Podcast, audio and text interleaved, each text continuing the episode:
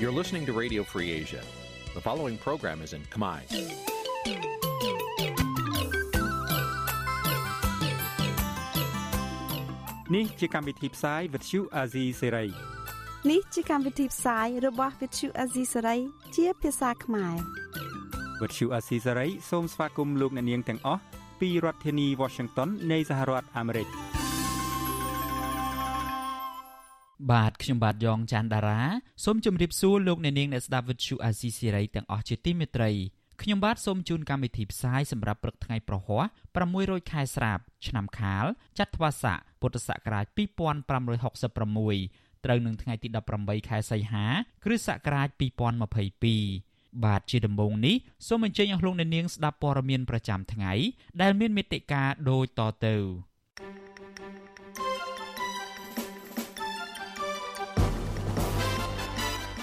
អ្នកវិភាគជំរុញរដ្ឋាភិបាលលោកហ៊ុនសែនថ្លឹងថ្លែងអំពីបញ្ហានានាពាក់ព័ន្ធនឹងសហរដ្ឋអាមេរិកនិងចិនកុម្មុយនីសអញ្ញាធិបបើកឲ្យកោតក្រ Nagawal ឈរស្រែកតវ៉ានៅមុខក្រុមហ៊ុន ពេលអ្នករាយការណ៍ពិសេសអង្គការសហប្រជាជាតិទៅឃ្លាំមើលគណៈបកភ្លើងទៀនទទូចឲ្យអាជ្ញាធរដោះលែងអ្នកជាប់ឃុំនយោបាយសមត្ថកិច្ចបញ្ជូនមន្ត្រី PM3 នាក់ទៅតុលាការ ពាក់ព័ន្ធទៅនឹងការស្លាប់អនុប្រធានភូមិម្នាក់នៅខេត្តកំពង់ធំ រួមនឹងព័ត៌មានសំខាន់សំខាន់មួយចំនួនទៀត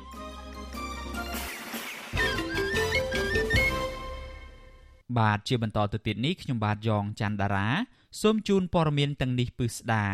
អ្នកវិភាគនយោបាយមើលឃើញថាកម្ពុជានៅតែមានហានិភ័យខ្ពស់ក្នុងការធ្លាក់ចូលក្នុងវិបត្តិនៃទំនាក់ទំនងជាមួយមហាអំណាចពិភពលោកធំធំពីរគឺសហរដ្ឋអាមេរិកនិងប្រទេសចិនកុម្មុយនីស ប្រសិនបើរដ្ឋាភិបាលមិនបានពិចារណាឲ្យបានស៊ីជម្រៅអំពីបញ្ហានានាពាក់ព័ន្ធនឹងមហាអំណាចទាំងពីរនេះទេ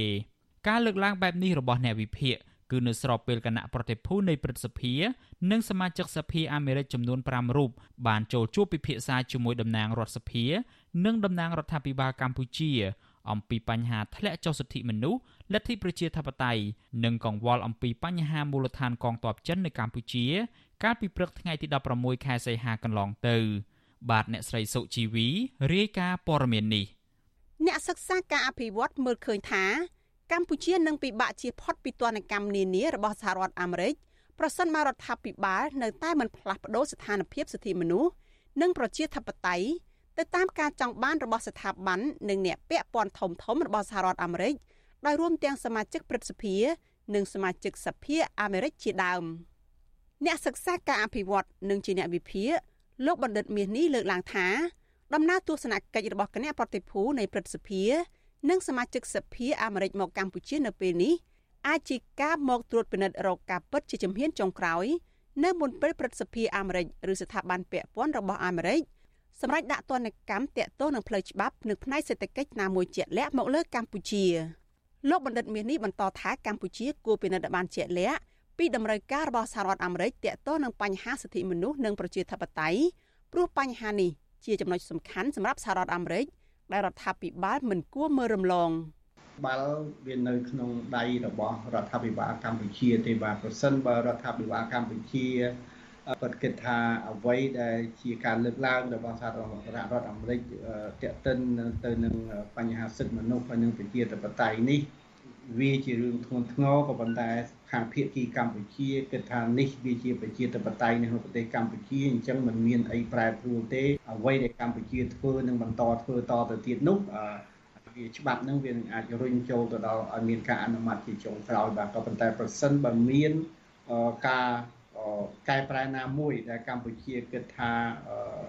រឿងនេះវាជារឿងមួយដែលយើងគួរតែពិចារណាព្រោះវាអាចប៉ះពាល់ទៅដល់សេដ្ឋកិច្ច ជាមួយគ្នានេះបណ្ឌិតមាសនេះ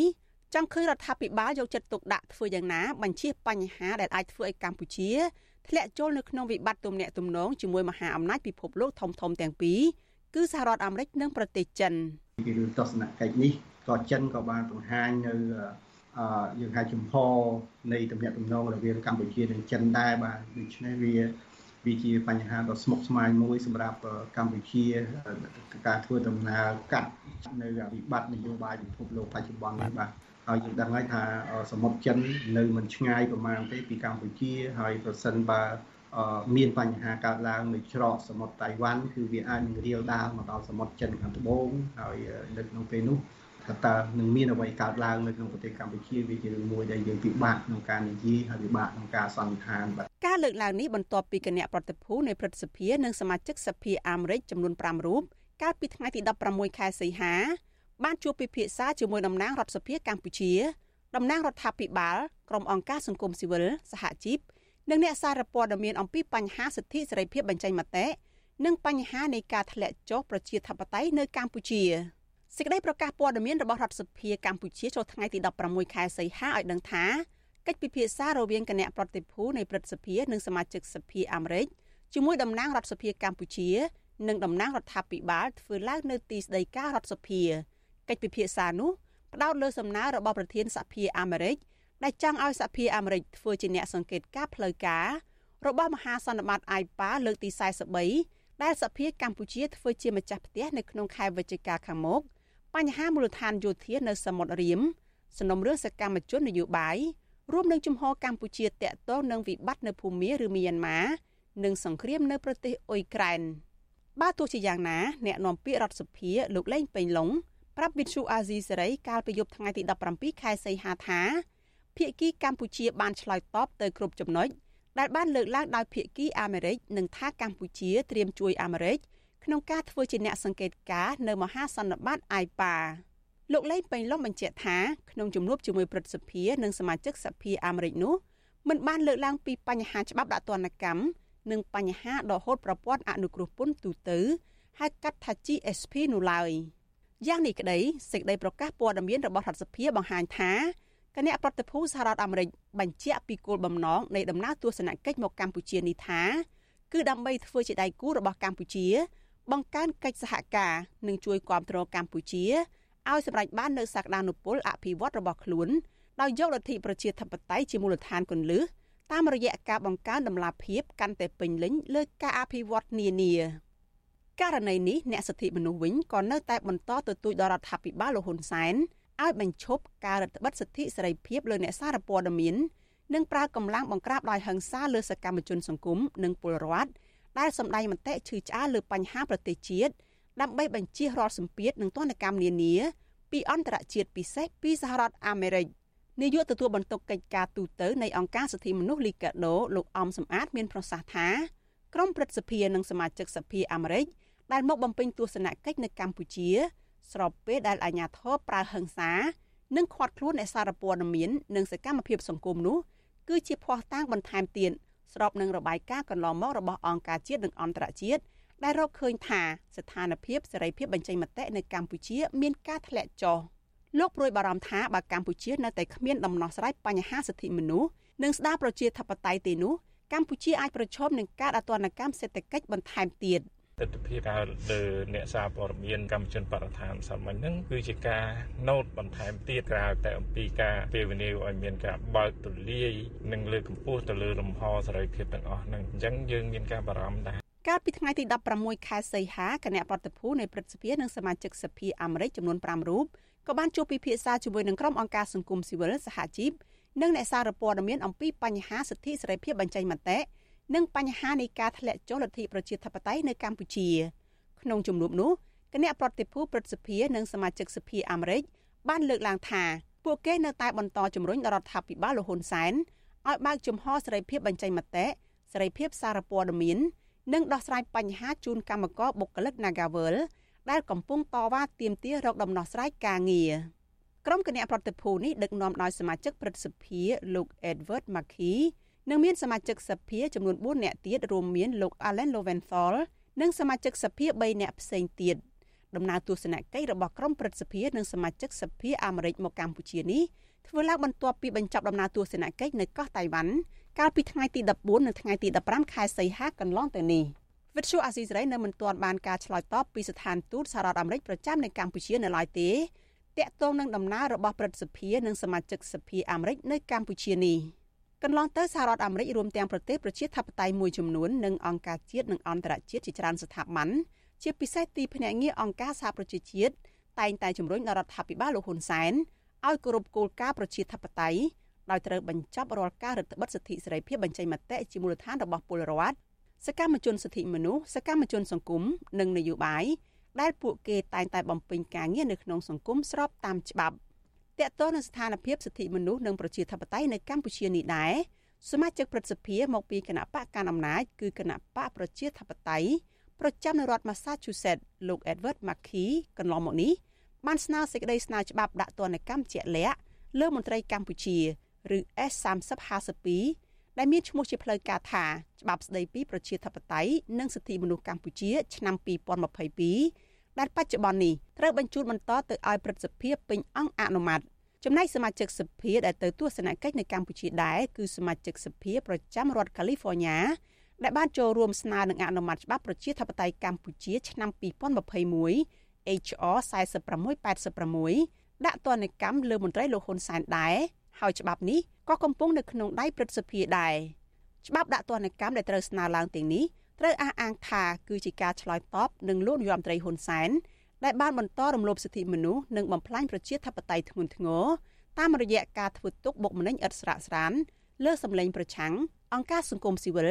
និងប្រព័ន្ធផ្សព្វផ្សាយនាងខ្ញុំសុជីវី Vithu Azizi Serai ពីរដ្ឋធានី Washington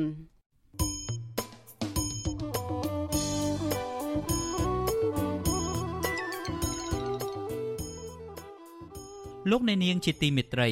ដំណើរគ្នានឹងស្ដាប់ការផ្សាយវិទ្យុអាស៊ីសេរីតាមបណ្ដាញសង្គម Facebook និង YouTube លោកអ្នកនាងក៏អាចស្ដាប់កម្មវិធីផ្សាយរបស់វិទ្យុអាស៊ីសេរីតាមរលក ធាតុអាកាសខ្លីឬ Shortwave តាមកម្រិតនិងកម្ពស់ដូចតទៅនេះពេលព្រឹកចាប់ពីម៉ោង5កន្លះដល់ម៉ោង6កន្លះតាមរយៈរលក ធាតុអាកាសខ្លី12140 kHz ស្មើនឹងកម្ពស់ 25m និង13715 kHz ស្មើនឹងកម្ពស់ 22m ពេលយប់ចាប់ពីម៉ោង7កន្លះដល់ម៉ោង8កន្លះតាមរយៈរលកធាតុអាកាសខ្លី9960 kHz ស្មើនឹងកម្ពស់ 30m 12140 kHz ស្មើនឹងកម្ពស់ 25m និង11885 kHz ស្មើនឹងកម្ពស់ 25m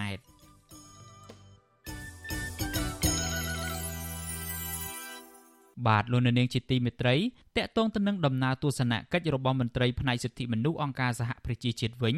អ្នករាយការណ៍ពិសេសអង្គការសហប្រជាជាតិទទួលបន្ទុកសិទ្ធិមនុស្សនៅកម្ពុជា លោកវិទិតមុនថាបនបានជួបពិភាក្សាជាមួយមេបកប្រឆាំងលោកកឹមសុខានិងគណៈកម្មាធិការសិទ្ធិមនុស្សរបស់រដ្ឋាភិបាលដើម្បីប្រមូលព័ត៌មានសម្រាប់វិដំឡៃស្ថានភាពសិទ្ធិមនុស្សនៅកម្ពុជាលោកថែមទាំងបានចុះសង្កេតផ្ទាល់ ដល់កន្លែងនៃការធ្វើកោតកម្មទាមទាររកដំណោះស្រាយការងាររបស់បុគ្គលិកក្រុមហ៊ុន Casino NagaWorld ផងដែរមន្ត្រីអង្គការសង្គមស៊ីវិលសង្កេតឃើញថាការបំពេញទស្សនកិច្ចផ្លូវការរបស់លោកវិទិតមុនថាបននេះកើតឡើងចំពេលរដ្ឋាភិបាលកម្ពុជាទទួលរងការរិះគន់ថាកំពុងតែរដ្ឋបិទសិទ្ធិសេរីភាពប្រជាពលរដ្ឋបាទសូមលោកអ្នកនាងស្ដាប់សេចក្តីរាយការណ៍មួយទៀតរបស់អ្នកស្រីសុជីវីអំពីរឿងនេះដូចតទៅ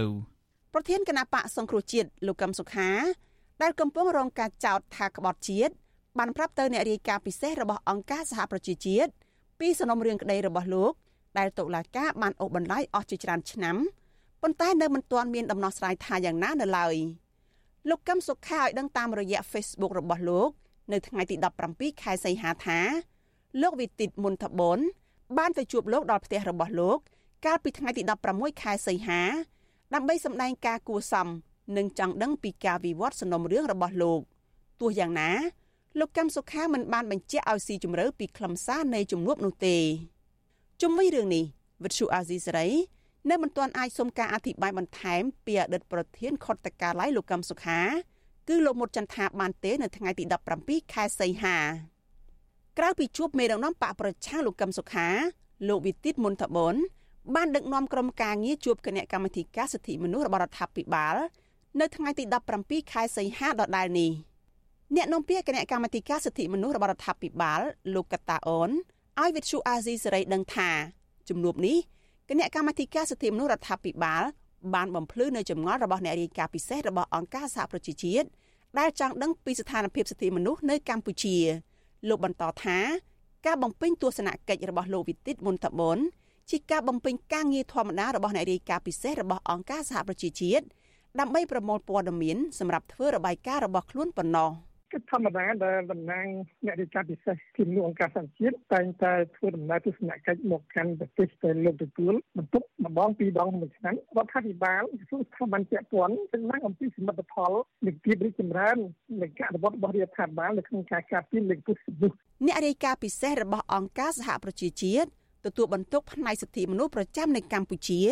លោកវិទិតមុនថបន បានមកបំពេញទស្សនកិច្ចនៅកម្ពុជា ដើម្បីវាយតម្លៃពីស្ថានភាពសិទ្ធិមនុស្សចាប់ពីថ្ងៃទី15ដល់ថ្ងៃទី26ខែសីហា ដើម្បីជួបភាគីពាក់ព័ន្ធរួមមានរដ្ឋាភិបាល អង្គការសង្គមស៊ីវិលគណៈបកនយោបាយនិងសកម្មជនសិទ្ធិមនុស្សមន្ត្រីផ្នែកព័ត៌មានសាធារណៈនៃការិយាល័យឧត្តមស្នងការអង្គការសហប្រជាជាតិទទួលបន្ទុកសិទ្ធិមនុស្សនៅកម្ពុជា អ្នកនាង Amanda Fisher ឲ្យវិទ្យុអាស៊ីសេរីដឹងថា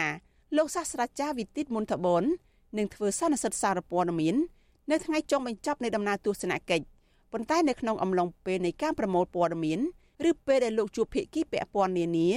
អ្នករាយការណ៍ពិសេសរូបនេះមិននិយាយអ្វីជាសាធារណៈនោះទេមុនពេលជួបលោកកឹមសុខានិងគណៈកម្មាធិការសិទ្ធិមនុស្សរដ្ឋាភិបាលលោកវិទិតមុនតបនបានជួបជាមួយលោកនាយករដ្ឋមន្ត្រីហ៊ុនសែនមន្ត្រីអង្គការសង្គមស៊ីវិលធ្វើការផ្នែកការពារសិទ្ធិមនុស្ស ដើម្បីជជែកពីបញ្ហាសិទ្ធិមនុស្សជាមួយគ្នានេះលោកវិទិតមុនតបនក៏បានចុះទៅសង្កេតផ្ទាល់ការធ្វើកោតកម្មទាមទារដំណោះស្រាយការងាររបស់បុគ្គលិកក្រុមហ៊ុន Nagavel ផងដែរនៅថ្ងៃទី17ខែសីហាដដែលនេះប្រធានអង្គការសម្ព័ន្ធការពារសិទ្ធិមនុស្សកម្ពុជាហៅកាត់ថាច្រាក់លោករស់សថាសង្កេតឃើញថា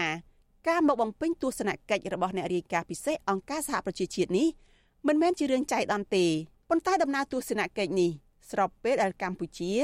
មានពិន្ទុមិនសូវល្អនៅក្នុងការគោរពសិទ្ធិមនុស្សលោកយល់ថាអ្នករាយការណ៍ពិសេសរបស់អង្គការសហប្រជាជាតិគួរសើរើឬពិនិត្យឡើងវិញ ពីបញ្ហាសិទ្ធិមនុស្សប្រជាធិបតេយ្យសិទ្ធិការងារនិងសិទ្ធិនយោបាយដែលកំពុងរងផលប៉ះពាល់ប៉ុន្តែរដ្ឋាភិបាលនៅមិនទាន់ដោះស្រាយបាននៅឡើយមានបញ្ហាជីក្បាលជាច្រើនដែលត្រូវធ្វើ ពាក់ព័ន្ធទៅលើការតាមដានរឿងធំធំចាស់និងឬចាស់នឹងមិនទាន់ចប់ផងឥឡូវវាមានរឿងថ្មីទៀតដែលកើតឡើងដែលត្រូវការសិក្សានិងពិភាក្សាជំរុញឲ្យមានការកែប្រែនៅក្នុងប្រទេសកម្ពុជាបាទលោកវិទិតមុនតបនតែងតែរំលឹកទៅរដ្ឋាភិបាលលោកហ៊ុនសែនជាញយដងដោយស្នើទៅរដ្ឋាភិបាលឲ្យបើកសិទ្ធិសេរីភាពជូនប្រជាពលរដ្ឋនិងស្ដារប្រជាធិបតេយ្យឡើងវិញការបំពេញទស្សនកិច្ចជាង10ថ្ងៃ នៃអ្នករាយការណ៍ពិសេសរបស់អង្គការសហប្រជាជាតិនៅពេលនេះដើម្បីប្រមូលព័ត៌មាននិងស្វែងយល់ពីបញ្ហាសិទ្ធិមនុស្សនៅកម្ពុជាលោកវិទិតមុនថបននឹងឡើងថ្លែងការណ៍ពីអ្វីដែលលោកបានរកឃើញនេះក្នុងកិច្ចប្រជុំរបស់ក្រុមប្រឹក្សាសិទ្ធិមនុស្សអង្គការសហប្រជាជាតិនេះខែតុលាខាងមុខនាងខ្ញុំសុជីវីវិទ្យុអាស៊ីសេរីពីរដ្ឋធានី Washington បាទលោកអ្នកនាងជាទីមេត្រីពាក់ព័ន្ធទៅនឹងដំណើរទស្សនកិច្ចរបស់លោកវិទិតមុនថាបននេះដែរអាញាធររាជធានីភ្នំពេញបន្ធូរដៃក្នុងការបង្ក្រាបក្រុមគឧតកោនៃក្រុមហ៊ុនបនលបែងកាស៊ីណូ Naga World ខណៈអ្នករាយការណ៍ពិសេសរបស់អង្គការសហប្រជាជាតិទទួលបន្ទុកសិទ្ធិមនុស្សនៅកម្ពុជាលោកវិទិតមុនថាបនបានចុះទៅឃ្លាំមើលផ្ទាល់អំពីកោតកម្មនេះកាលពីថ្ងៃទី17សីហាម្សិលមិញ ប្រធានសហជីពប្រចាំក្រុមហ៊ុន Nagavel កញ្ញាឈឹមស៊ីធថ្លែងថាអេរិយាបថរបស់អាជ្ញាធររាជធានីភ្នំពេញដែលតែងតែប្រើអំពើហិង្សាទៅលើក្រុមកោតក្រស្ទើរជារៀងរាល់ថ្ងៃនោះពេលនេះហាក់ស្លូតបូតនឹងសុភាពរៀបសារជាងសពដង កញ្ញាឈឹមស៊ីធចាត់ទុកការរក្សាភាពស្ងៀមស្ងាត់របស់ក្រុមសមត្ថកិច្ចដែលធ្លាប់វាយកោតក្រជាស្ត្រីបែកមុខបែកមាត់រហូតសន្លប់និងរលូតកូនផងនោះគឺជាការរៀបចំឈុតឆាកសម្ដែងដើម្បីកុំឲ្យលោកវិទិតមុនថាបនឃើញហេតុការណ៍បែបនេះនៅផ្ទាល់ភ្នែកបញ្ចូលទៅរៀបចំសម្ដែងឲ្យគេមើលអញ្ចឹងហើយធ្វើអញ្ចឹងរហូតទៅកុំឲ្យចាំគុំគុំថាដល់ពេលគេនៅនឹងធ្វើជាអត់មានហិង្សាមានអីខ្លាចគេឃើញផ្ទាល់ណាឲ្យគេមើលឃើញត្រឹមតែវីដេអូបានហើយដែលថតកន្លងមក ចឹងទៅពេលគេទៅវិញក្រោយក៏គួរតែនៅរក្សាការអនុវត្តល្អបែបហ្នឹងទៅកញ្ញាឈឹមស៊ីធបន្តថាកន្លងមកមន្ត្រីការិយាល័យរបស់អង្គការសហប្រជាជាតិទទួលបន្ទុកសិទ្ធិមនុស្សនៅកម្ពុជា តែងតែចោះទៅមើលក្រុមកោតក្រធ្វើបាតកម្មទាមទារសិទ្ធិស្របច្បាប់ក៏ប៉ុន្តែសមត្ថកិច្ចមិនអោយពួកគាត់ចូលចិត្តក្រុមកោតក្រឡើយអ្នករាយការណ៍ពិសេសអង្គការសហប្រជាជាតិទទួលបន្ទុកសិទ្ធិមនុស្សនៅកម្ពុជា លោកវិទិតមុនថាបនបានសរសេរនៅលើទំព័រ Facebook ថា លោករីករាយដែលអាចទៅខ្លំមើលកោតកម្មរបស់ក្រុមកម្មករនឹងឃើញការប្រើប្រាស់សិទ្ធិសេរីភាពសម្ដែងមតិនិងការប្រើប្រាស់សិទ្ធិប្រមូលផ្ដុំរបស់ពួកគេ ស្រដៀងគ្នានេះការិយាល័យឧត្តមស្នងការអង្គការសហប្រជាជាតិទទួលបន្ទុកសិទ្ធិមនុស្សនៅកម្ពុជា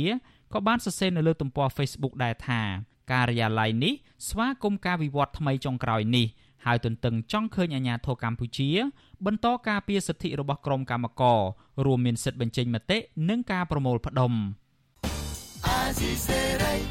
បាទលោកអ្នកនាងជាទីមេត្រីអាជ្ញាធរថៃកាលពីពេលថ្មីថ្មីនេះបានអះអាងថាពួកគេបានឃាត់ខ្លួនជនសង្ស័យជាអ្នកចំនួនឆបោកជនជាតិចិនម្នាក់ដែលកាន់សញ្ជាតិខ្មែរផងតាមដីការបស់ប៉ូលីសអន្តរជាតិអង្គតាប៉ូល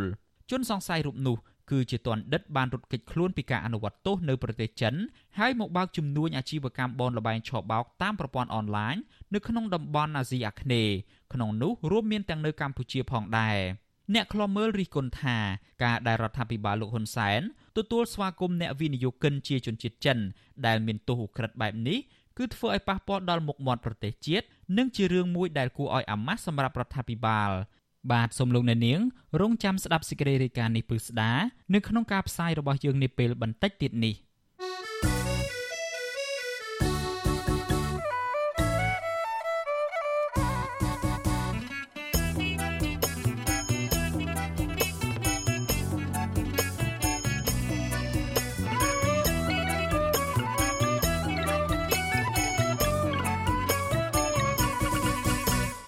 បាទលោកនៅនាងជាទីមេត្រីពាក់ព័ន្ធទៅនឹងរឿងក្តីក្តាំរបស់លោកកឹមសុខាវិញមេធាវីការពារក្តីឲ្យលោកកឹមសុខា បន្តទៀមទីឲ្យតុលាការផ្ដល់សេរីភាពដល់លោកវិញ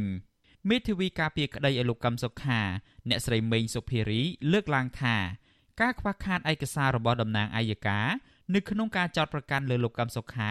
គឺជាការបញ្ជាក់ថាតុលាការគ្មានភ័ស្តុតាងគ្រប់គ្រាន់ដើម្បីដាក់បន្ទុកលើកូនក្តីរបស់អ្នកស្រីនោះទេ លោកកឹមសុខាបានបាត់បង់សិទ្ធិសេរីភាពជិត5ឆ្នាំមកហើយក្រោយពីរដ្ឋាភិបាលលោកហ៊ុនសែនបានចោទប្រកាន់ថាមេបកប្រឆាំងរូបនេះបានខົບខិតជាមួយរដ្ឋបរទេសដើម្បីផ្ដួលរំលំរដ្ឋាភិបាលទោះជាយ៉ាងណាតុលាការមិនដែលបានបង្ហាញថារដ្ឋបរទេសណាមួយដែលមានទំនាក់ទំនងសម្ងាត់ជាមួយលោកកឹមសុខាដើម្បីផ្ដួលរំលំរដ្ឋាភិបាលនោះទេតុលាការត្រឹមចោទសួរលោកកឹមសុខាជុំវិញការធ្វើបាតុកម្មកាលពីឆ្នាំ2013និងឆ្នាំ2014 តុលាការនឹងបន្តសវនាការសំណុំរឿងនេះនៅថ្ងៃទី24ខែសីហាសប្តាហ៍ក្រោយទៀត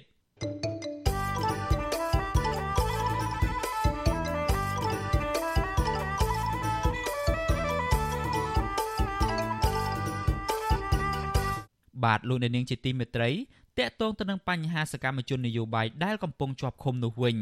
អនុប្រធានគណៈបកភ្លើងទៀនលោកសុនឆៃបានចូលជួបសួរសុខទុក្ខសកម្មជនបកប្រឆាំង ដែលកំពុងជាប់ឃុំក្នុងពន្ធនាគារព្រៃសរកាលពីថ្ងៃទី17ខែសីហាម្សិលមិញ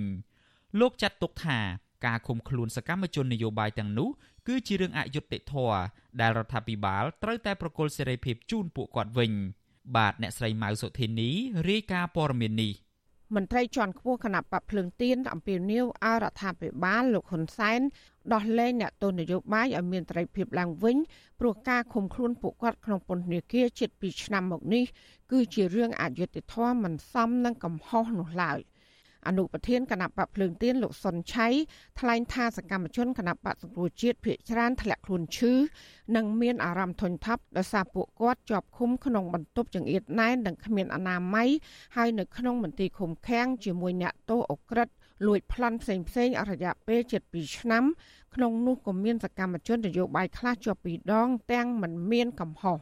លោកបន្តថាការកាត់ទោសអ្នកទាំងនោះឲ្យជាប់ឃុំរយៈពេលយូរដោយសារតែការអនុវត្តសិទ្ធិសេរីភាពបញ្ចេញមតិដូចជាការទៀមទាឲ្យគណៈបកសង្គ្រោះជាតិរស់ឡើងវិញ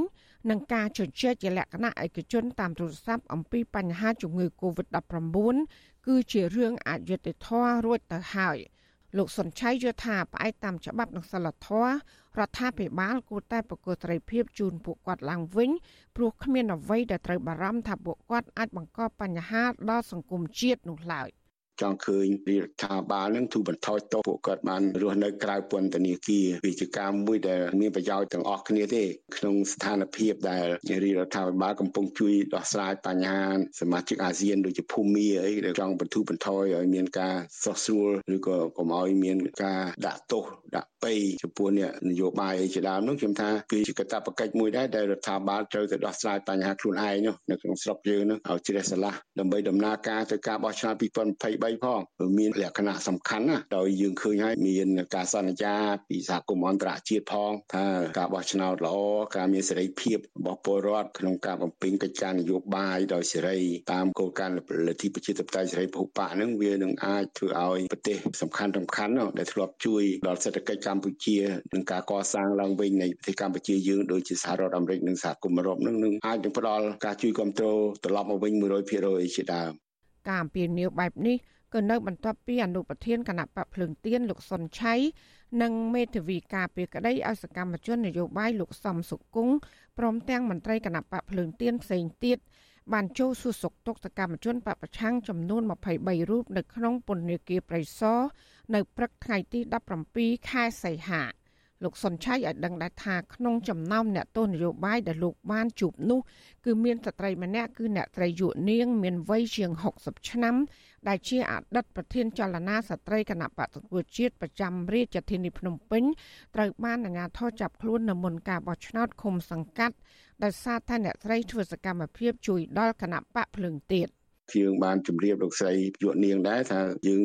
នឹងខិតខំតាមដែលអាចធ្វើបានដើម្បីជួយឲ្យបានលោកស្រីចេញទៅព្រោះចាស់ហើយមានចៅមានអីនៅផ្ទះហ្នឹងហើយពិបាកមែនទែនទឹកភ្នែកយំសោកខ្លាំងណាស់អាណិតគាត់ដែរហើយយើងក៏ឲ្យមេធាវីដែរជួយមើលថាគួរសម្របសម្រួលយ៉ាងម៉េចឲ្យបានគាត់ចេញទៅអានេះជាបំណងប្រាថ្នារបស់យើងគឺមិនមែនតែចង់ឲ្យអ្នកទាំងនោះចេញមកពីពន្ធនាគារមកមកចូលរួមជាមួយនឹងគណៈបកភ្លើងទៀនអីទេ ប៉ុន្តែដោយសារពួកគាត់នឹងវាជាអតីតសង្គ្រោះជាតិខ្ញុំក៏ធ្លាប់ជាសង្គ្រោះជាតិដែរ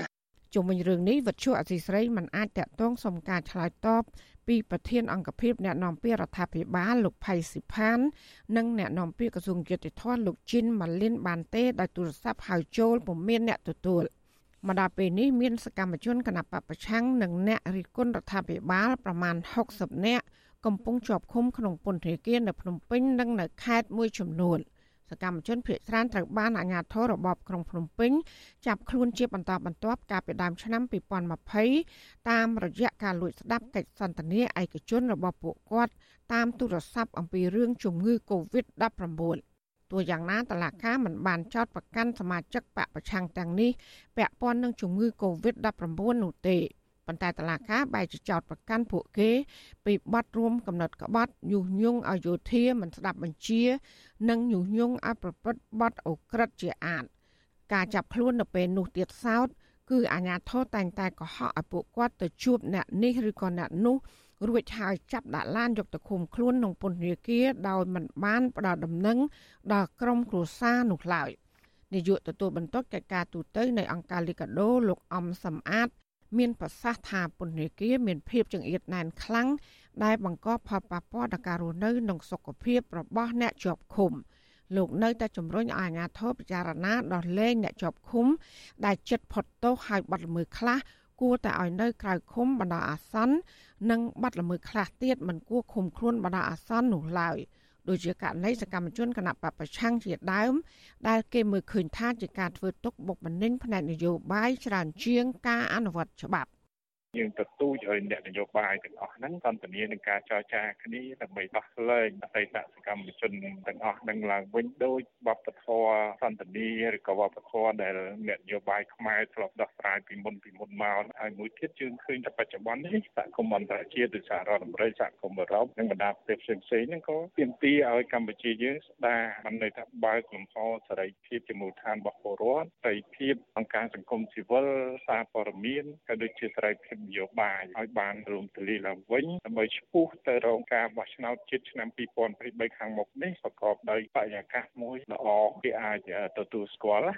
ក្រុមអង្គការជាតិនិងអន្តរជាតិរួមទាំងប្រទេសប្រជាធិបតេយ្យផង តែងតែអំពាវនាវអរដ្ឋាភិបាលដោះលែងសកម្មជននយោបាយឡើងវិញដោយឥតលក្ខខណ្ឌពីព្រោះការបន្តចាប់ខ្លួននិងឃុំខ្លួនសកម្មជនបពប្រឆាំងទាំងនោះមិនមែនជាជំរឿល្អក្នុងការដោះស្រាយបញ្ហានោះទេ តែផ្ទុយទៅវិញរឹតតែធ្វើឲ្យប្រទេសជាតិជួបវិបត្តិកាន់តែធ្ងន់ធ្ងរបន្ថែមទៀតព្រមទាំងធ្វើឲ្យសង្គមជាតិទាំងមូលបែកបាក់កាន់តែខ្លាំងឡើងចាននាងខ្ញុំម៉ៃសុធានីវិទ្យុអាស៊ីសេរីប្រធានាធិបតី Washington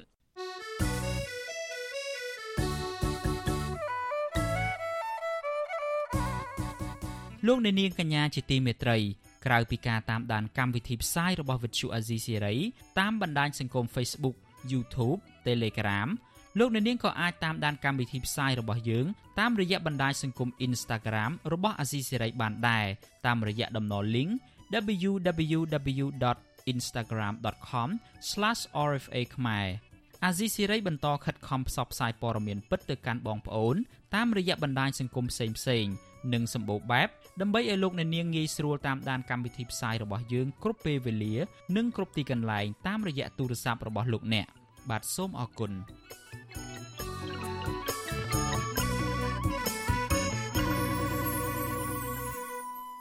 លោកអ្នកនាងកំពុងស្ដាប់ការផ្សាយរបស់ Vuthu Azizi Siri ពីរដ្ឋធានី Washington សហរដ្ឋអាមេរិកពាក់ព័ន្ធទៅនឹងបញ្ហាអំពើហិង្សាទៅលើអ្នកសារព័ត៌មានវិញ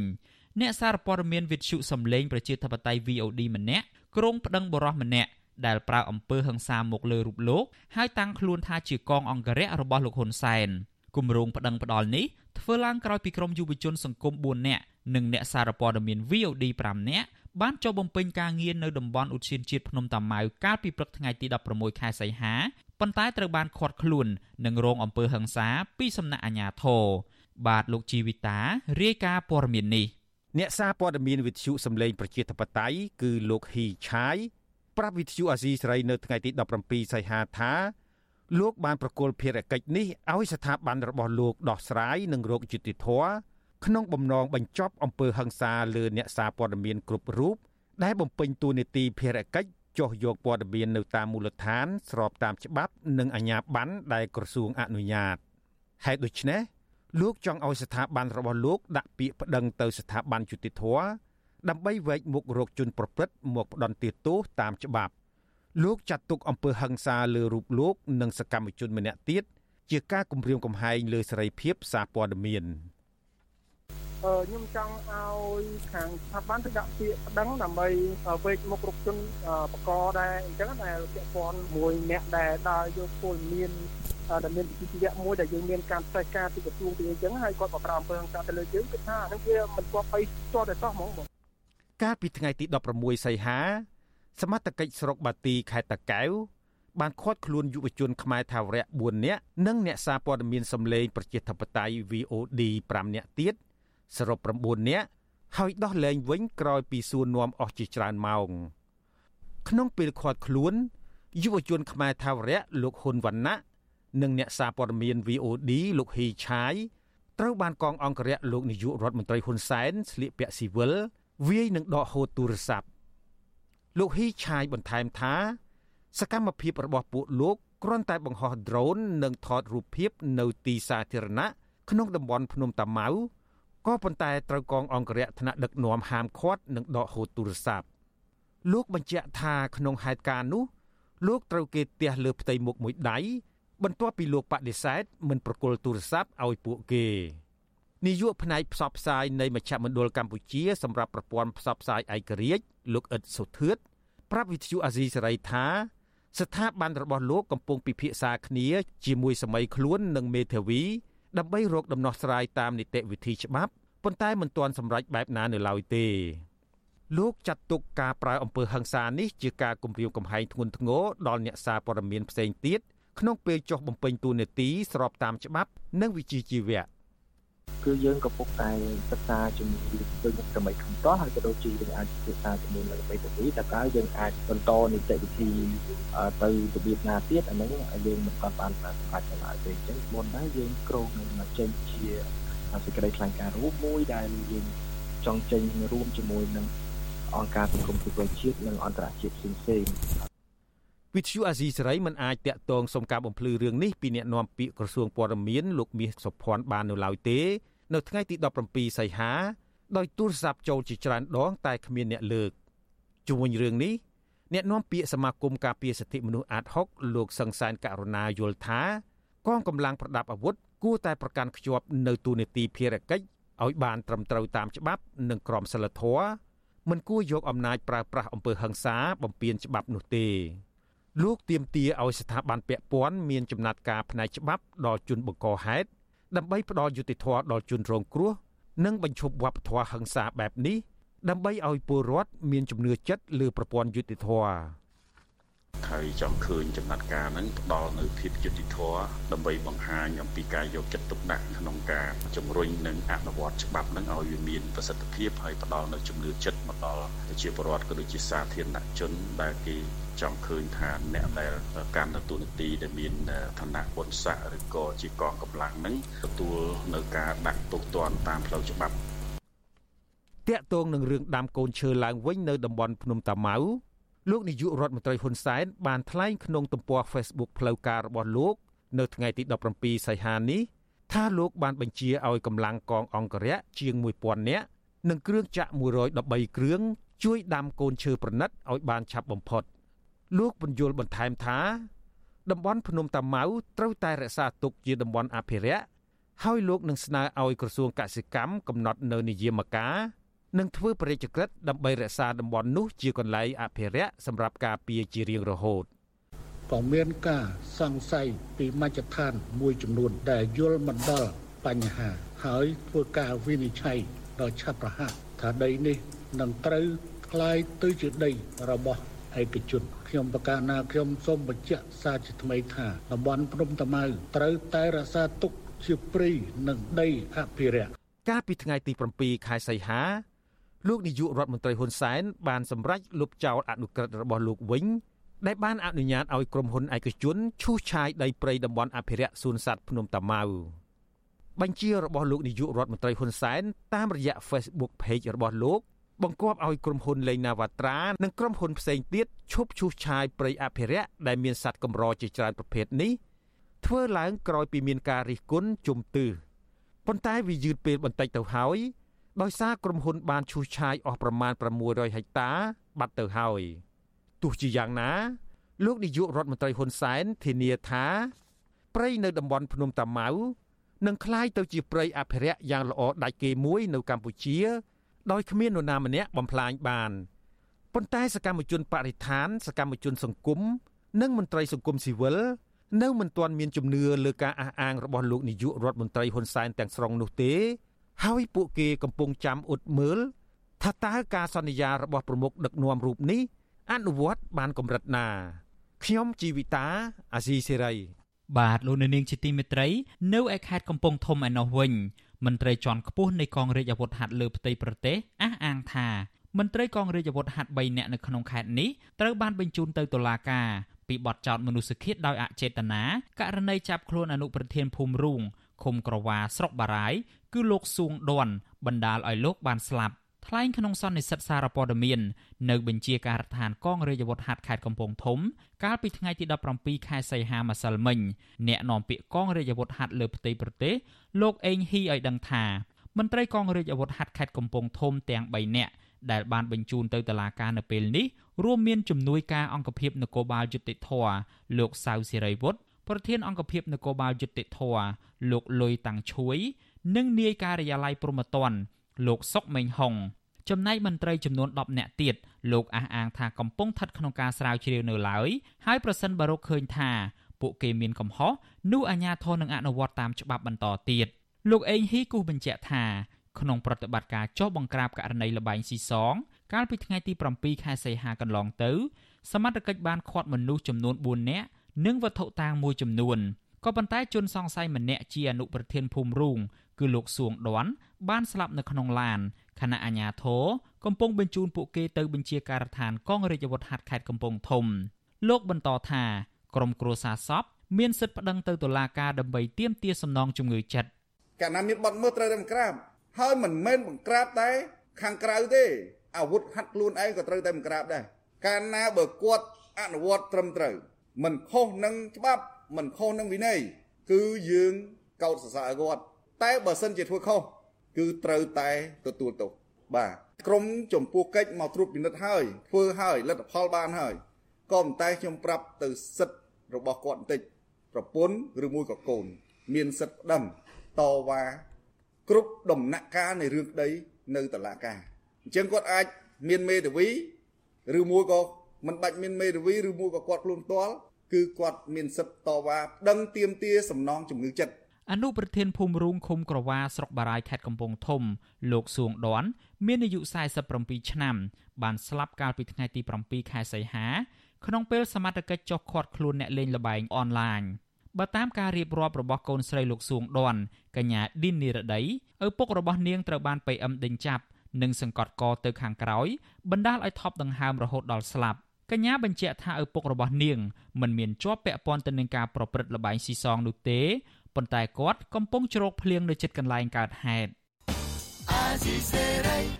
បាទលោកនៅនាងជាទីមេត្រីយើងងាកទៅខេត្តបាត់ដំបងឯណោះវិញមន្ត្រីអង្គការសង្គមស៊ីវិលរិះគន់អាជ្ញាធរខេត្តនេះថាมันបានជួយដោះស្រាយបញ្ហាប្រជាពលរដ្ឋអាស្រ័យផលធ្វើស្រែនៅក្នុងអាងភៀសក្នុងស្រុកបាណន់ប្រតិកម្មនេះកើតឡើងក្រោយពីលោកនាយរដ្ឋមន្ត្រីហ៊ុនសែនបានបញ្ជាឲ្យអាជ្ញាធរដោះស្រាយសំណើរបស់ប្រជាពលរដ្ឋ ប្រជាពលរដ្ឋប្រមាណជាង100នាក់កាលពីពេលថ្មីថ្មីនេះបាននាំគ្នាតវ៉ាសុំកិច្ចអន្តរាគមន៍ពីលោកហ៊ុនសែន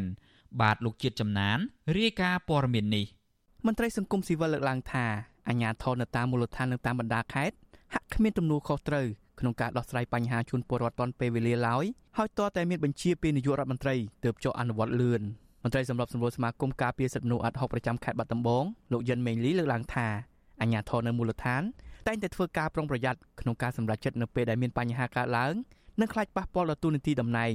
ហើយស្ទាក់ស្ទើរក្នុងការដោះស្រាយលោកបន្តថាពាក់ព័ន្ធបញ្ហាដីធ្លីនៅក្នុងតំបន់ទំនប់ទឹកអាងភៀសអាជ្ញាធរត្រូវធ្វើការដោះស្រាយដោយមានដំណាភាពព្រោះកន្លែងដីនោះមានដីមន្ត្រីតូចធំមួយចំនួនដែលមិនបញ្ចេញមុខនិងទៅកាន់កាប់ថ្មីផ្ទុយពីពលរដ្ឋអាស្រ័យផលតកូនតចៅជាច្រើនឆ្នាំមកហើយលោកយិនមីនលីបន្ថែមថា នៅពេលប្រជុំដោះស្រាយជូនពលរដ្ឋឬវេទិកាសាធារណៈនៅតាមមូលដ្ឋានអាជ្ញាធរគួរតែទទួលយកកង្វល់របស់ពលរដ្ឋឲ្យបានច្រើនជៀសវាងនិយាយតែម្នាក់ឯងមិនផ្ដល់ឱកាសដល់ពលរដ្ឋលើពីបញ្ហា សម្ដេចនាយកមានប្រសាសន៍មកស្រែកមកគឺលឿនមកយើងឃើញថាវាកើតមានជាក់ស្ដែងតែហ្មងនៅក្នុងខេត្តបាត់ដំបងក៏ដូចក្នុងសង្គមយើងដែរហើយមិនមែនតែរឿងបញ្ហាដីធ្លីបញ្ហាអីក៏ដោយតែសម្ដេចនាយកមានប្រសាសន៍មកហើយគឺអាញាធរនៅថ្នាក់ជាតិក្តីថ្នាក់ក្រោមជាតិក្តីគឺនាំគ្នាសោះស្វែងអញ្ចឹងហាក់បីដូចជាខ្នាចនៅអំណាចពីលើមកធ្វើអ្វីៗរងចាំការសម្រេចជាចំណុចមួយដែលអត់ល្អទេចុះបើសិនជាសម្ដេចនាយកអត់មានប្រសាសន៍មកធ្វើមិនទៅវិជាបរដ្ឋគាត់មិនគាត់មិនរងគ្រោះនេះជាចំណុចមួយដែលខ្ញុំគិតថាអកបីតែមានការកែតម្រង់ចំណុចនេះឡើងវិញដើម្បីឲ្យអាជ្ញាធរនៅថ្នាក់ក្រមជាតិគាត់ហ៊ានសម្រេចខ្លះពីព្រោះយើងបានធ្វើវិមជ្ឈការមួយចំនួនមកឲ្យថ្នាក់ក្រមជាតិហើយកុំចាំបាច់តែថ្នាក់លើស្រែកមកបាននាំនេះធ្វើបាទប្រតិកម្មរបស់មន្ត្រីសង្គមស៊ីវិលនេះធ្វើឡើងបន្ទាប់ពីលោកនាយករដ្ឋមន្ត្រីហ៊ុនសែនបានថ្លែងនៅក្នុងពិធីចែកសញ្ញាបត្រដល់និស្សិតនៅរាជធានីភ្នំពេញកាលពីព្រឹកថ្ងៃទី17ខែសីហាដោយបញ្ជាដល់រដ្ឋមន្ត្រីធនធានទឹកនិងអភិបាលខេត្តបាត់ដំបង ឲ្យប្រញាប់ដោះស្រាយដីស្រែនៅតំបន់ទំនប់ទឹកអាងភៀសជូនដល់ពលរដ្ឋដើម្បីពួកគាត់យកដីទៅដាំដុះអាស្រ័យផលរកប្រាក់ចំណូលដោះស្រាយជីវភាពគ្រួសារដីកន្លែងនឹងជាដីដែលប្រជាជនគេរស់នៅច្រើនចំនួនហើយផ្នែកធនធានទឹករបស់យើងទៅធ្វើអាទំនប់ធ្វើអីណាកាយកប់ត្រឡប់នៅអីណែបាត់ដំបងខ្ញុំប្រាប់ទៅវិញថាទទួលអំណាចពីនាយករដ្ឋមន្ត្រីដោះស្រាយជាមួយប្រជាជនទៅបើដីនឹងជាដីរបស់រដ្ឋហើយបើធ្វើទៅវាលិចយើងកុំធ្វើទៅយើងធ្វើទៅជាមួយប្រជាជនទៅ កន្លងមកអាញាធរអនុវត្តការងារតែងតែមានភាពយឺតយ៉ាវតាក់ទងនឹងសេវាសាធារណៈបញ្ហាសង្គមបញ្ហាពលរដ្ឋតាមការអនុវត្តជាប្រចាំប៉ុន្តែប្រសិនបើមានការលើកឡើងរបស់លោកនាយករដ្ឋមន្ត្រីគឺមន្ត្រីរាជការទាំងនោះធ្វើការអនុវត្តការងារលឿននិងមានប្រសិទ្ធភាពតែតែងតែរងការរិះគន់ពីពលរដ្ឋនិងមន្ត្រីសង្គមស៊ីវិលតាក់ទងនឹងបញ្ហានេះវិសុអាស៊ីសេរីមិនអាចតាក់ទងអភិបាលខេត្តបាត់ដំបងលោកសុកលូនិងប្រធានមន្ត្រីធនធានទឹកលោកឡុងផគុន និងអភិបាលស្រុកឯកភ្នំលោកមើលសុផលដើម្បីសុំការអធិប្បាយជុំវិញរឿងនេះបានទេនៅថ្ងៃទី17ខែសីហាដោយទូរស័ព្ទតាក់ទងមិនបានប៉ុន្តែនៅលើ Facebook អភិបាលខេត្តបាត់ដំបងលោកសុកលូបានចុះផ្សាយពាក្យស្លោកថាប្រយោជន៍រាជត្រូវការពារតែប្រយោជន៍រួមប្រយោជន៍រដ្ឋក៏ត្រូវរក្សាដែរចំណែកអភិបាលស្រុកឯកភ្នំលោកមើលសុផលបានបញ្ជាក់ថាអាយឧត្តមអភិបាលខេត្តបាត់ដំបងចុះមកទីតាំងដីអាងភៀសដើម្បីជួបប្រជាពលរដ្ឋ និងពិនិត្យមើលទីតាំងជាក់ស្ដែងហើយរៀបចំស្នើសុំទៅលោកហ៊ុនសែនក្នុងការកាត់ជ្រៀលដីចំពោះប្រជាពលរដ្ឋអាស្រ័យផលយូរមកហើយលោកបន្ថែមថាកន្លងទៅអាជ្ញាធរមិនទាន់មានការសិក្សាច្បាស់លាស់នៅឡើយថាតើមានប្រជាពលរដ្ឋប៉ុន្មានគ្រួសារដែលអាស្រ័យផលជាក់ស្ដែងរយៈពេលយូរ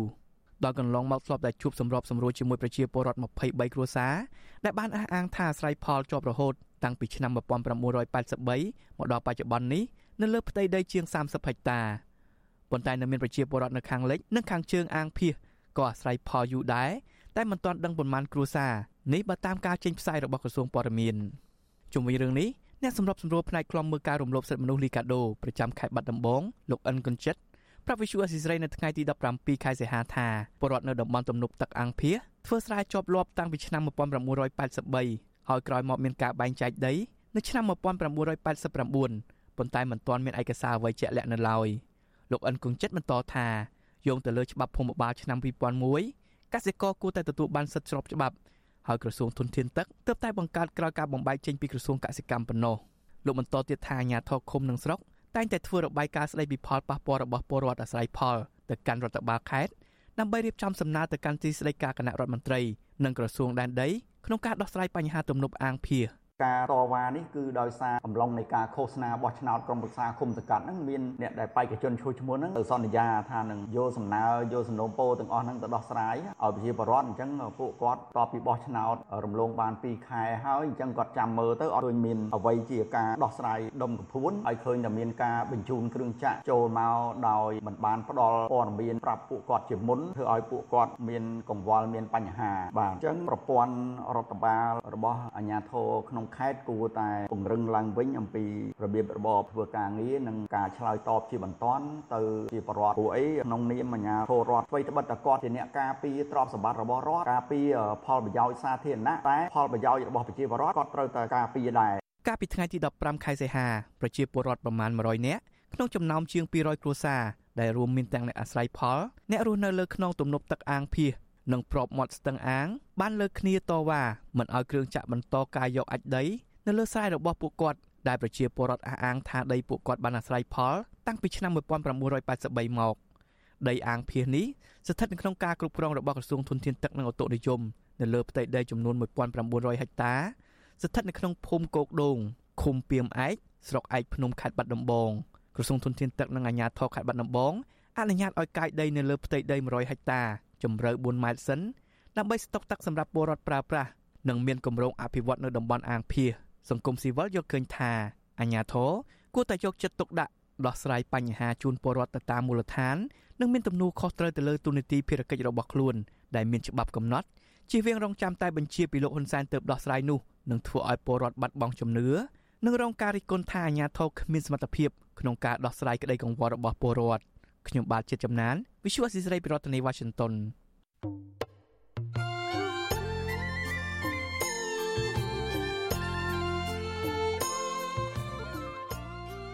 លោកអ្នកនាងជាទីមេត្រី នៅក្នុងឱកាសនេះដែរខ្ញុំបាទសូមថ្លែងអំណរគុណដល់លោកអ្នកនាងកញ្ញាទាំងអស់ដែលតែងតែមានភក្ដីភាពចំពោះការផ្សាយរបស់យើង ហើយចាត់ទុកការស្ដាប់វិទ្យុអាស៊ីសេរីជាផ្នែកមួយនៃសកម្មភាពប្រចាំថ្ងៃរបស់លោកអ្នកនាង គឺការគ្រប់គ្រងរបស់លោកអ្នកនាងនេះហើយដែលធ្វើឲ្យយើងខ្ញុំមានទឹកចិត្តកាន់តែខ្លាំងថែមទៀតនៅក្នុងការស្វែងរកនិងផ្តល់ព័ត៌មានជូនលោកអ្នកនាងមានអ្នកស្ដាប់អ្នកទស្សនាកាន់តែច្រើនកាន់តែធ្វើឲ្យយើងខ្ញុំមានភាពស្វាហាប់មោះមុតជាបន្តទៅទៀតយើងខ្ញុំសូមអរគុណទុកជាមុនហើយសូមអញ្ជើញលោកអ្នកនាងកញ្ញាចូលរួមជំរុញឲ្យសកម្មភាពផ្តល់ព័ត៌មានរបស់យើងនេះឲ្យកាន់តែជោគជ័យបន្ថែមទៀត លោកអ្នកនាងអាចជួយយើងខ្ញុំបានដោយគ្រាន់តែចុចចែករំលែកឬ share ការផ្សាយរបស់យើងនៅលើបណ្ដាញសង្គម Facebook និង YouTube ទៅកាន់មិត្តភ័ក្តិដើម្បីឲ្យការផ្សាយរបស់យើងបានទៅដល់មនុស្សកាន់តែច្រើន បាទសូមអរគុណ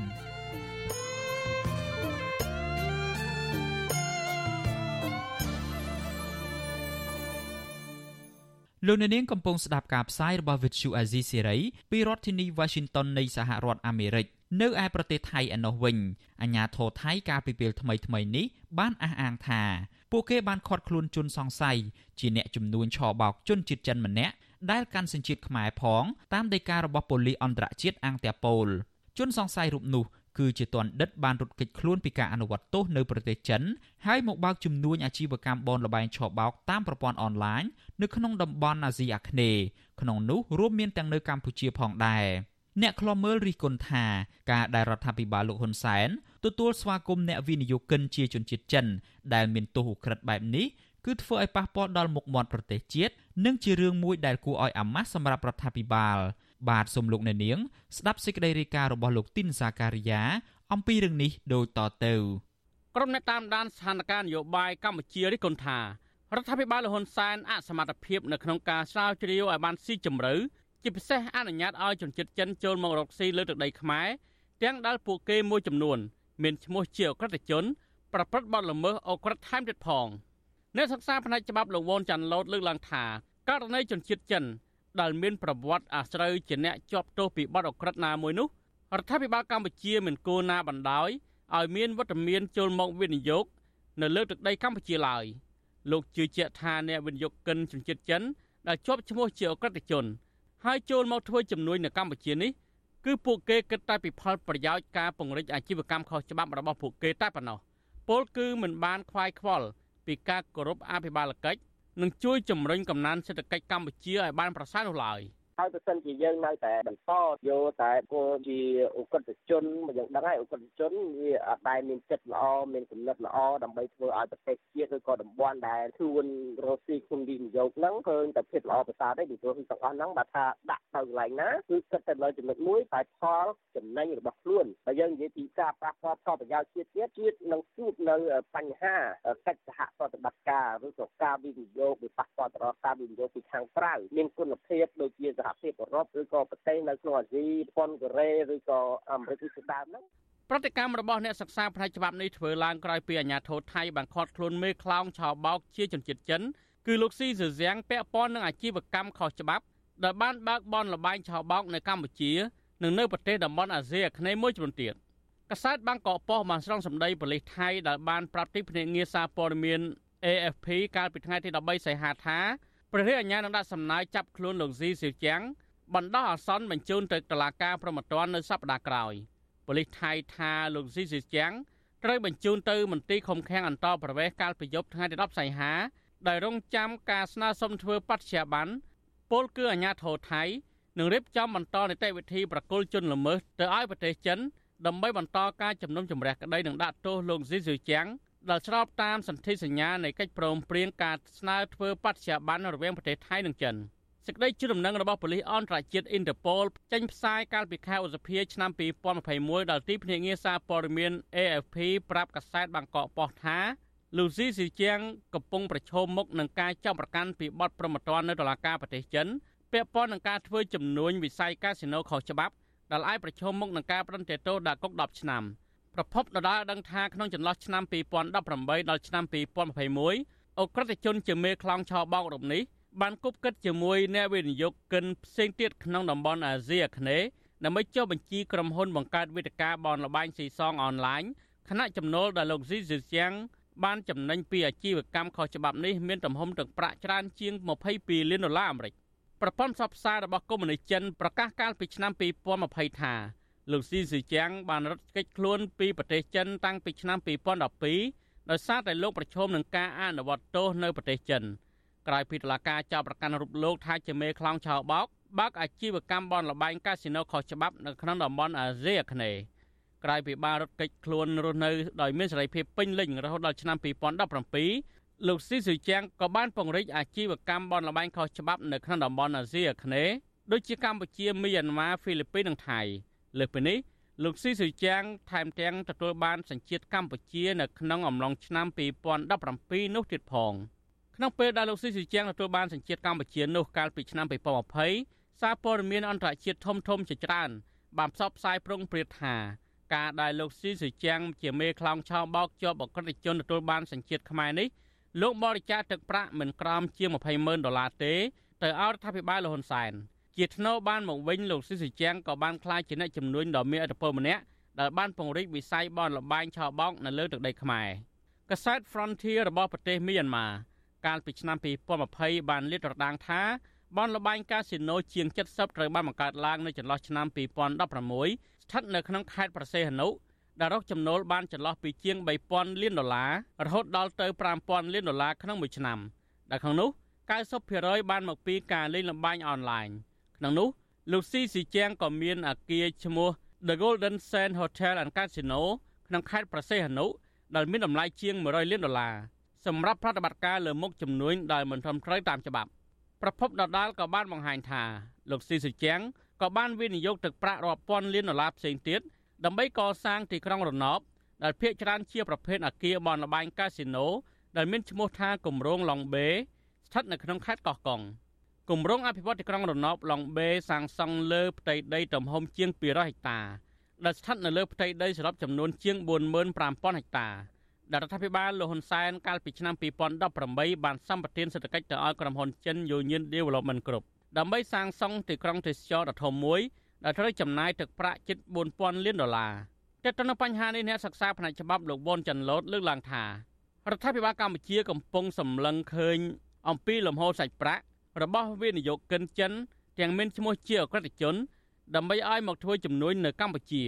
ហើយមិនខ្វាយខ្វល់អំពីតម្លៃមុខមាត់របស់ប្រទេសជាតិឡើយ។ឲ្យកម្ពុជាមិនគួរនឹងផ្ដល់តម្លៃទៅដល់ពលបែបនេះដែរទោះបីជាពលនឹងមានលុយមានប្រកាសជាចំនួនអីទៅធ្វើឲ្យចំណេញទៅដល់ផលប្រយោជន៍សម្រាប់មនុស្សនៅក្នុងជួររដ្ឋាភិបាលក្តីខ្ញុំគិតថារដ្ឋាភិបាលគួរតែគួរតែគិតពីមុខមាត់និងគុណតម្លៃរបស់ប្រទេសជាតិ ឆ្លើយតបនឹងការលើកឡើងនេះអ្នកនាំពាក្យគណៈបកប្រជាជនកម្ពុជាលោកសុកអេសានទទួលស្គាល់ថាកម្ពុជាស្វាគមន៍អ្នកវិនិយោគិនបរទេសទាំងអស់ឲ្យតែពួកគេមានទំហំសាច់ប្រាក់គ្រប់គ្រាន់ដើម្បីចូលមកអភិវឌ្ឍដោយត្រូវគោរពតាមគោលការណ៍នៃច្បាប់របស់កម្ពុជាលោកបន្តថាបើវិនិយោគិនមកបោះទុនក្នុងការធ្វើជំនួញដល់មានអាជីវកម្មធំធាធំការផ្ដល់សញ្ជាតិខ្មែរឲ្យជនបរទេសរំនោះគឺធ្វើឡើងតាមគោលការណ៍ច្បាប់លោកអះអាងថារាល់ការធ្វើជំនួញបរទេសនិងការផ្ដល់សញ្ជាតិខ្មែរ សមត្ថកិច្ចកម្ពុជាក៏មិនបានស្រាវជ្រាវលម្អិតនៃសាវតារបស់ពួកគេនោះដែរ។ ជនបរទេសមួយចំនួននោះយើងមិនបានដឹងអំពីប្រវត្តិសារបានមនុស្សនឹងត្រូវឬខុសទេយើងនិយាយថាអ្នកឯងចូលមកអ្នកឯងបោះពុនត្រឹមត្រូវអ្នកឯងអនុវត្តច្បាប់ត្រឹមត្រូវអានឹងយើងអនុញ្ញាតហើយជនជាតិចិនមួយចំនួនដែលបោះពុនរកស៊ីនៅកំពង់សោមនៅកោះកុងឬមួយនៅកន្លែងណាក៏ដោយតែខុសច្បាប់អានឹងយើងចាត់វិធានការតាមផ្លូវច្បាប់ហើយយើងមិនអាចទៅតាមដានថាទេអ្នកនឹងជនជាតិចិនមុននឹងបោះពុនរកស៊ីយើងទៅស្រាវជ្រាវតាំងពីស្រុកកំណើតគាត់តាំងពីសកម្មភាពគាត់លោកសុកអេសានបន្ថែមថាបើអ្នកជំនួញជនជាតិចិនលោកស៊ីសុជាងពិតជាត្រូវបានប៉ូលីសអន្តរជាតិឃាត់ខ្លួនពីបទអក្រិតមនុស្សមកជំនួញអាជីវកម្មនិងទ្រព្យសម្បត្តិនានារបស់លោកដែលមាននៅក្នុងដែនអធិបតេយ្យកម្ពុជាអាញាធរមានសមត្ថកិច្ចមានសិទ្ធិរឹបអូសមកវិញជុំវិញនឹងរឿងនេះនាយកទទួលបន្ទុកផ្នែកសិទ្ធិមនុស្សអង្គការលីកាដូលោកអំសំអាត លើកឡើងថាបញ្ហាដែលកម្ពុជាបណ្ដាលឲ្យជនជាតិចិនជាប់ឈ្មោះជាអក្រិតជន រត់គេចខ្លួនពីប្រទេសចិនមកធ្វើជំនួយនៅកម្ពុជាកន្លងមកនេះគឺដោយសារតែអាញាធរកម្ពុជាខ្វះកិច្ចសហប្រតិបត្តិការជាមួយអាញាធរចិនលោកបន្តថាបើកម្ពុជា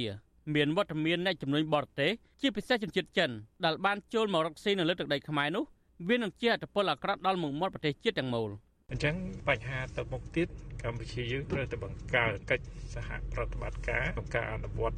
ច្បាប់ឲ្យបានតឹងរឹងជាមួយនឹងបណ្ដាប្រទេសផ្សេងផ្សេង ជាពិសេសគឺប្រទេសចិនក្នុងការទប់ស្កាត់រាល់អក្រិតជនឬក៏ជនដែលប្រព្រឹត្តបទល្មើសនៅប្រទេសចិនហើយចូលមក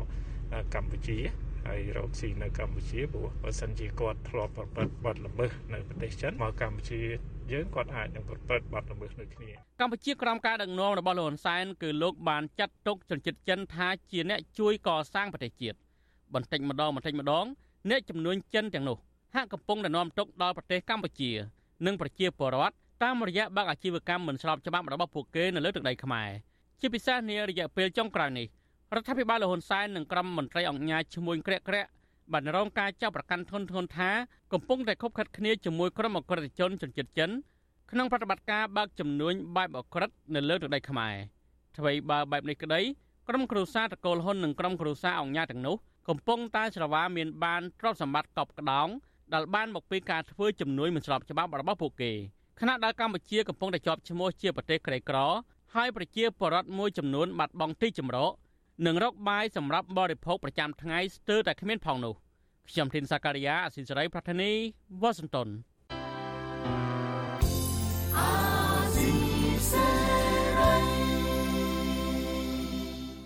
លោកអ្នកនាងជាទីមេត្រីការផ្សាយរយៈពេល1ម៉ោងរបស់វិទ្យុអាស៊ីសេរីនៅព្រឹកនេះចប់ត្រឹមតែប៉ុណ្ណេះ។យើងខ្ញុំសូមជូនពរដល់លោកអ្នកនាង ព្រមទាំងក្រុមគ្រួសារទាំងអស់ឲ្យជួបប្រកបតែនឹងសេចក្តីសុខចម្រើនរុងរឿងកុំបីឃ្លៀងឃ្លាតឡើយ